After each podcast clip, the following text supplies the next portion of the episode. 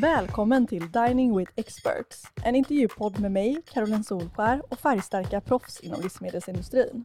Jag har alltid haft ett stort intresse för mat och näring och 2022 tog jag äntligen steget och startade mitt eget foodtech-startup, Nuverica. Nuverica har digitaliserat regelverk inom livsmedelsindustrin och hjälper matproducenter att vara både kreativa och compliant. Som entreprenör har jag ofta spännande samtal med olika branschexperter för att lära mig mer om hur vi kan göra industrin bättre och mer framtidssäker. Nu vill jag bjuda in dig till de här samtalen så att du också kan få ta del av de lärdomar som dessa experter delar med sig av. Så slå dig ner vid middagsbordet, nu kör vi! Idag har vi med oss Mia och Tina från Medfiles. Medfiles är ett konsultbolag som hjälper bland annat livsmedelsföretag med regulatoriska frågor såsom märkning av produkter, närings och hälsopåståenden och nya livsmedel, även kallat novel foods. Mia Gottoni är teamlead för labelingteamet där de arbetar med förpackningspåskrifter och regulatoriska frågor kring både livsmedel, foder och kosmetik. Tina Karlsson är expert på livsmedelslagstiftning och märkning och har jobbat på Medfiles i över sex år. Varmt välkomna! Tack så mycket! Roligt att vara här. Jätteroligt att, att ni är här och idag så ska ju vi snacka lite om ja, men om obligatorisk märkning och, och, något som vissa personer kanske inte alltid skulle säga liksom är det roligaste med att, eh, med att skapa en produkt. Eh, men jag tänker att innan vi gör det, för att det är ett ämne som faktiskt ligger oss alla här varmt om hjärtat, eh, så tänkte jag liksom bara fråga lite frågor om er och egentligen först hur kommer det sig att ni började jobba med, med regulatoriska frågor inom just livsmedel? Ja, när jag var yngre så var jag väldigt intresserad av både näring och språk och vid något skede funderade jag faktiskt även på att gå och studera juridik. Men så blev det ändå studier i näringslära och jag ansåg att på Medspice kan jag typ kombinera alla intresseområden till ett enda arbete och det kändes jättebra faktiskt. Ja, för mig gick det lite av en slump egentligen. så eh, jag ville jobba på livsmedelsindustrin och jag pluggade också näringslära eller eh, kostvetenskap som, man, eller som det heter i Sverige. Eh, jag har alltid varit noggrann eller petig och gillat olika språk. Eh, men sen när jag började på Medfile så insåg jag ganska fort att eh, ja, men arbetsuppgifterna passade mig väldigt bra och kände att jag kunde använda mina styrkor. Ja, och, och som, eh, som jag nämnde lite snabbt här innan, som sagt, det, det är kanske inte just kul och roligt de flesta tänker på när de tänker på, på krångliga regelverk. Men vad skulle ändå ni säga är alltså det roligaste med att jobba med regulatoriska frågor? Ja, alltså vi får så många olika sorters frågor. Eh, vissa är lättare och vissa är mer utmanande. Och det bästa är att kunna hjälpa kunder som kört fast vid något och man kan hjälpa dem vidare på vägen. Och, och så kan man kombinera även eh, typ uh, olika egenskaper som man har här, till exempel man behöver vara väldigt noggrann i vårt arbete och så är det bra med språkkunskap och förstås det här som vi, vi har studerat med fina, alltså närings och alltså kostvetenskap. Så det är jättefint att kunna kombinera alla de här sakerna i ett och samma arbete. Mm. Jag tycker också att det roligaste är att man konstant lär sig nya saker. Eh, delvis för att det finns så mycket lagstiftning och delvis att det ändras hela tiden också. Ehm, men sen också att man kan hjälpa företag att märka sina produkter rätt. Även hjälpa konsumenter genom att säkerställa att de får säkra livsmedel och att de får rätt information om det de äter. Så det känner jag är nog roligast och kanske också det som känns mest betydelsefullt för mig med det här jobbet. Och vad skulle ni säga är det mest utmanande? Ja, ja men det kanske är eftersom vi jobbar som konsulter så får vi frågor om många olika produktkategorier så det är samtidigt roligt och utmanande eftersom det finns egen lagstiftning för olika livsmedelsgrupper.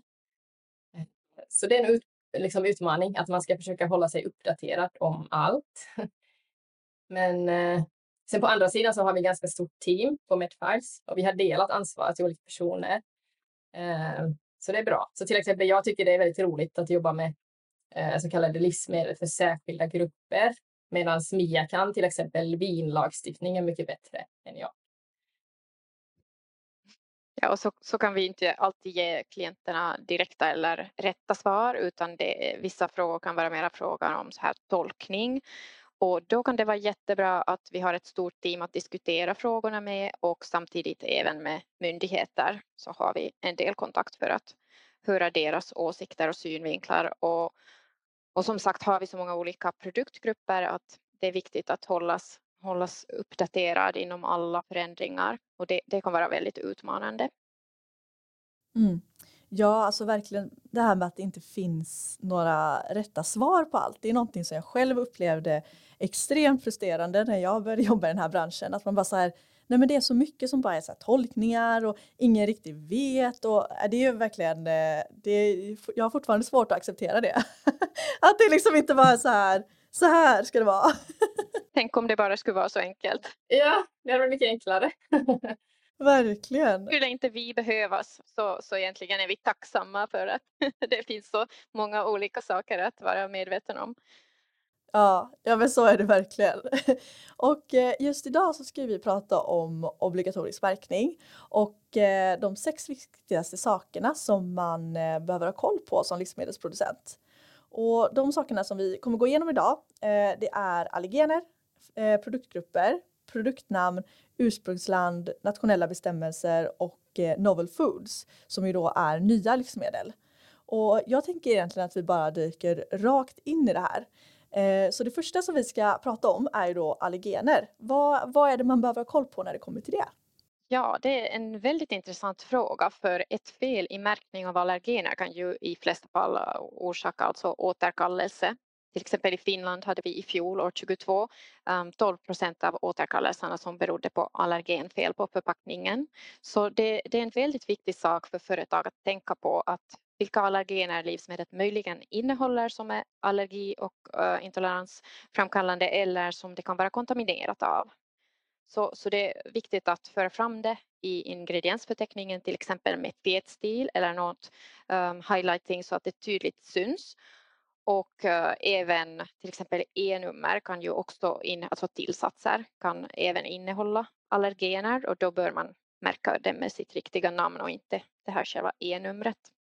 Likväl eh, kan processhjälpmedel eller carryover-tillsatser innehålla allergener så man, bör verkligen veta vilka alla ingredienser som finns just i ditt livsmedel. Ja, och jag, alltså det där gäller ju både att hålla koll på allergenerna men också stava dem rätt. Jag hade ganska nyligen om ett, eh, ett, eh, ja, men en vin, eh, vinimportör här i Sverige som importerade ett vin från, från ett annat land där de då nu när de skulle lansera det i Sverige hade skrivit ägg fel så de hade skrivit med ett e istället för ett ä. Och för dem var inte det någon skillnad, alltså de tänkte inte på det, alltså för de vet ju inte vad ett ä är ens. Men här blir det ju liksom ett problem att så här ett, alltså EGG är ju inte samma som ÄGG. Det är sant. Ja, så det är mycket att hålla koll på där. Är det någon, har ni några skräckexempel på när det har hänt någonting med liksom att det blivit fel med allergener som har lett, jag vet ju själv, jag är jordnötsallergiker Eh, så jag är ju alltid så här lusläser liksom efter att hitta jordnötter i, i produkter. Det. Nej, jag kan inte komma på något direkt skräckexempel. Kommer du Tina på något? Nej, inte direkt så. Men det är en väldigt viktig fråga just för de som är, alltså de människorna som behöver den här informationen. Så då är det verkligen jätteviktigt att dubbelkolla att det blir rätt. Uh, verkligen. Och jag tänkte faktiskt bara bara en tanke som slog mig nu Mia eftersom du eh, är lite mer kunnig inom när det kommer till vin.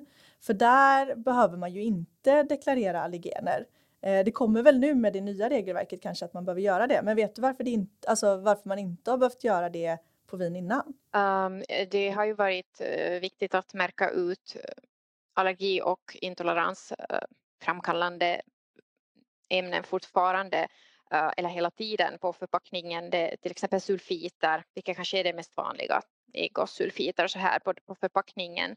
Men nu kommer det ju ändras att, att då hela ingrediensförteckningen ska finnas antingen på ah, förpackningen eller på, på internet eller på, på en e-label då, alltså inte internet direkt.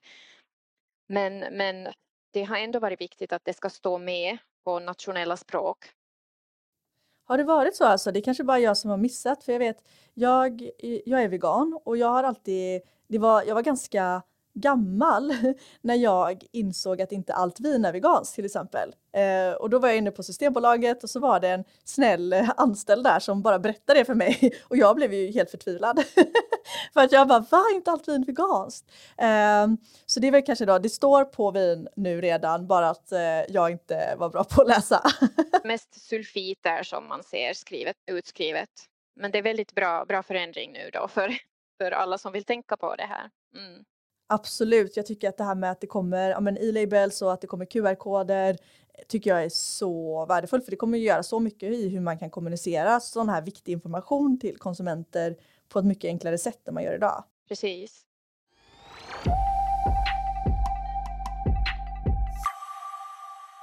Den här podden görs i samarbete med Nuverica. Nuverica har digitaliserat EU-direktiv inom livsmedelsindustrin och om du är en livsmedelsproducent som tycker att det är både krångligt och tidskrävande att förstå hur du ska kommunicera och märka dina livsmedelsprodukter så gå in på www.nuverica.com och läs mer om hur vi kan hjälpa dig.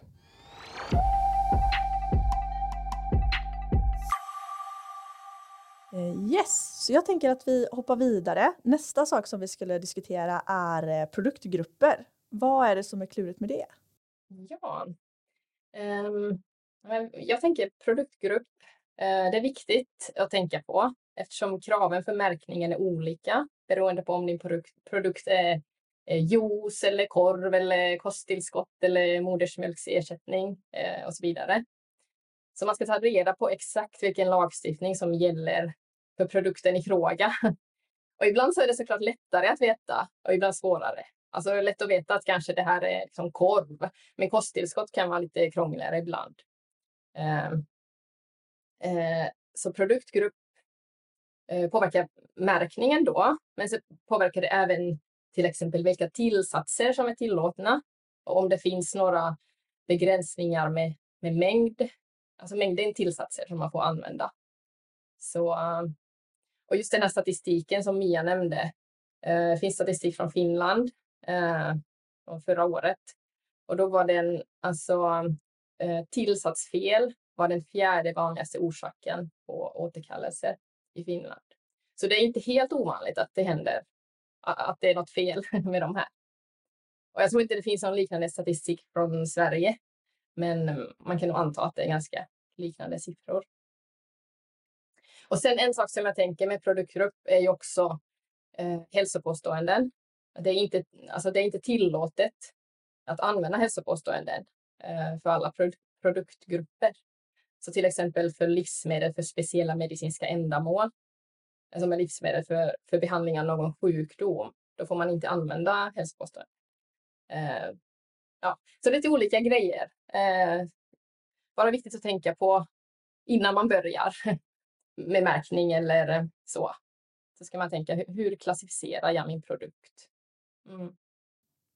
Och hur vet man, alltså är det alltid enkelt att veta vilken grupp ens produkt är i? Det är inte alltid lätt, inte alltid enkelt. Så det finns, eh, alltså vi hjälper ju våra kunder att göra klassificeringar. Men det, då är det liksom så här gränsfall. Alltså just eh, som jag nämnde, ett kosttillskott till exempel eller um, ja, även eh, livsmedel för speciella medicinska ändamål. Där är också, man måste liksom alltså, fylla kraven som finns för att kunna klassificera. Ja, och sen efter det så har vi ju produktnamn. Vad, vad ska man tänka på när man ger sin produkt ett namn? Mm, ja, ibland händer det ju alltså att eh, produktnamnet saknas. Man har bara varumärke med. Men man måste alltså ha ett beskrivande namn. Det räcker inte med varumärke. Konsumenten måste få en bild av vad det är för, för livsmedel. Och dessutom bör beteckningen i vissa fall åtföljas av ytterligare information som till exempel innehåller sötningsmedel eller om, om livsmedlets fysiska tillstånd till exempel um, kräver ytterligare information, typ djupfrysning, omfrysning, frystorkning um, ifall avsaknaden skulle kunna vilseleda konsumenten. Så det, det är något man kan tänka på. Och eh, även om man har en produkt där särskild lagstiftning gäller som till exempel för smör och ost, då bör man ha koll på, på korrekt lagstiftning där, där kring det. Jag förstår. Och nu hoppar vi raskt vidare till någonting som är helt annorlunda och det är ju ursprungslandet. Vad, vad gäller här? Mm, ja, det finns eh, relativt ny lagstiftning på det här området som handlar om huvuding huvudingrediens. Så, och det betyder att om man säger att till exempel att produkter är tillverkade i Sverige eller man har norska flaggan på en förpackning eller, eller något liknande. Så då måste man även skriva om huvudingrediensen inte är från samma land eller ställe. Så till exempel om man säger att eh, amen, den här äppeljuicen är tillverkad i Sverige, men om äpplena inte är svenska, då måste det också framgå för, på förpackningen. Hej hej, Caroline här. När vi lyssnade igenom avsnittet så insåg vi att eh, vi hade missat att säga en viktig sak här. Och det är att det finns krav för vissa livsmedel om att alltid ange ursprungsland. Och nu när vi har rätt ut det så kan vi fortsätta tillbaka till avsnittet.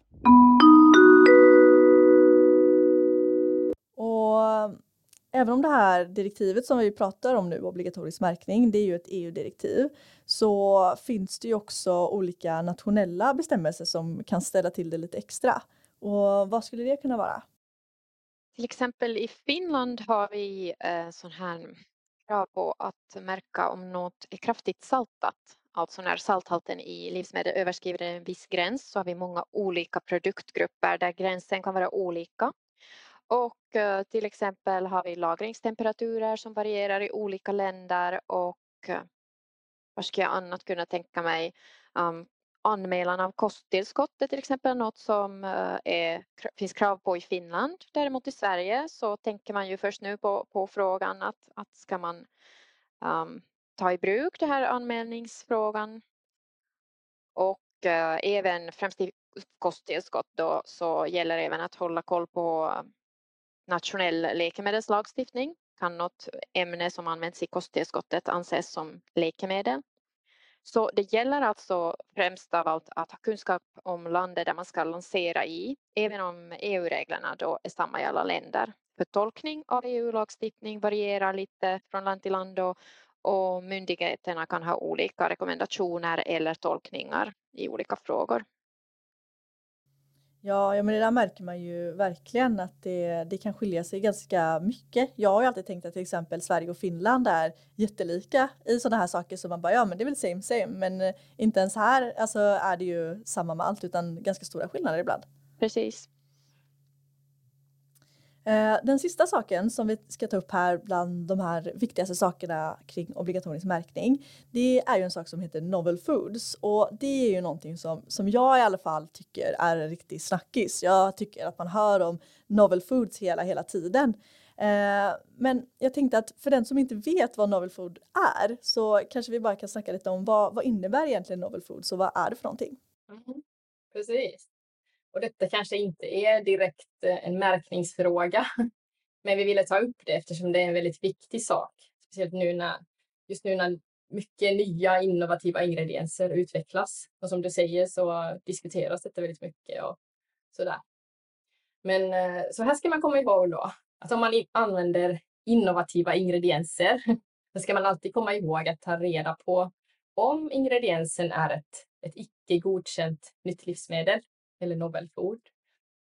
För de får inte förekomma i livsmedel förrän de har godkänts av EU-kommissionen.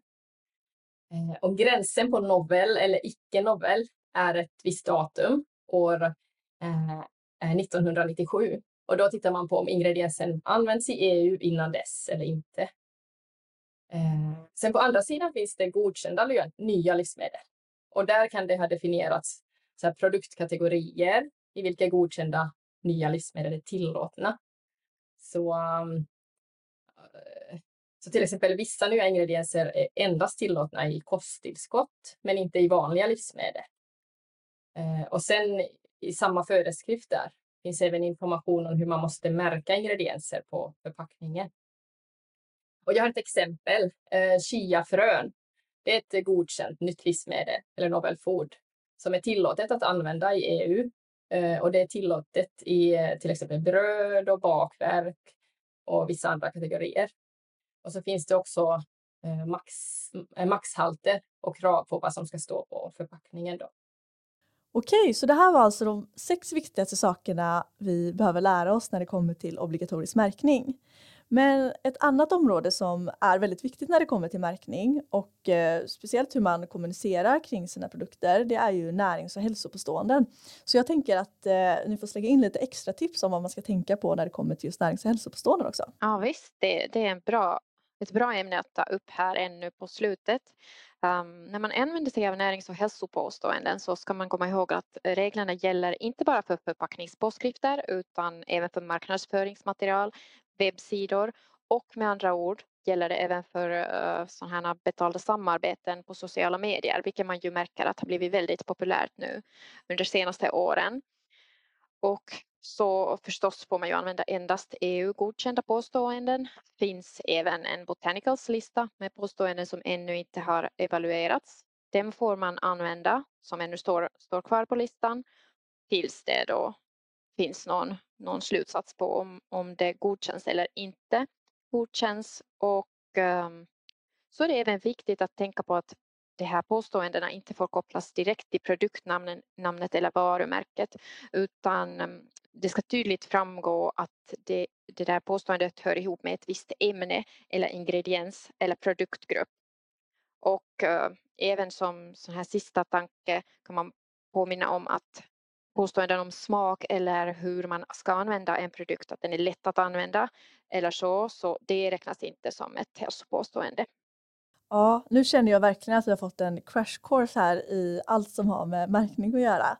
Eh, och de som lyssnar har förhoppningsvis både lärt sig mycket men kanske också några känner sig mer förvirrade än, man gjorde, än man gjorde när vi började. så jag tänkte att om man sitter och lyssnar och ändå känner så här lite oj, eh, det här var mycket information. Vad är det absolut viktigaste som man ska ta med sig från det här avsnittet? Ja, svårt att säga bara en sak kanske. Så då ska jag kanske bara säga så här att det är viktigt att komma ihåg att, eh, att det är viktigt med märkning och att det finns relativt många krav. Eh, så att det är bra att göra märkningen noggrant och även dubbelkolla en extra gång så att det blir rätt. Eh, så att man ska se till att all, all, information som ska finnas med finns med och att jag tänker om man vill säga något extra på förpackningen eller på nätet eller så, så ska man vara säker på att det är godkänt att göra det. Men sen vill jag också säga att det finns hjälp att få. Man kan ju rådfråga sin inspektör till exempel. Och så finns det också sådana här privata företag som hjälper gärna till och som man kan bolla med och så. Så det är verkligen inte omöjligt och vi vill inte få det låta som att det är jättekrångligt, för det är ju ändå helt överkomligt att göra, göra märkning. Men bara att det finns, finns många saker att tänka på såklart. Mm. Håller med.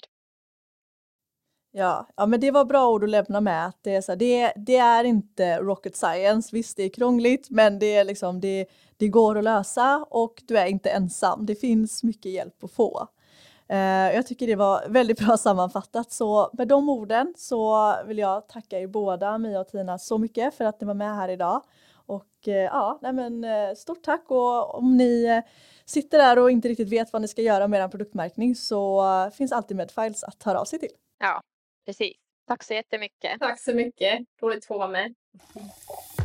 Stort tack för att du har lyssnat på Dining with Experts. Om du vill följa eller ge en kommentar om vad du har hört i podden så kan du följa oss på våra sociala kanaler. Vi heter attnuverika överallt, både på LinkedIn, på Instagram och på TikTok. Om du vill höra fler avsnitt så finns vi där poddar finns och du kan även se videoinspelningar av avsnitten på Youtube. Tack så mycket!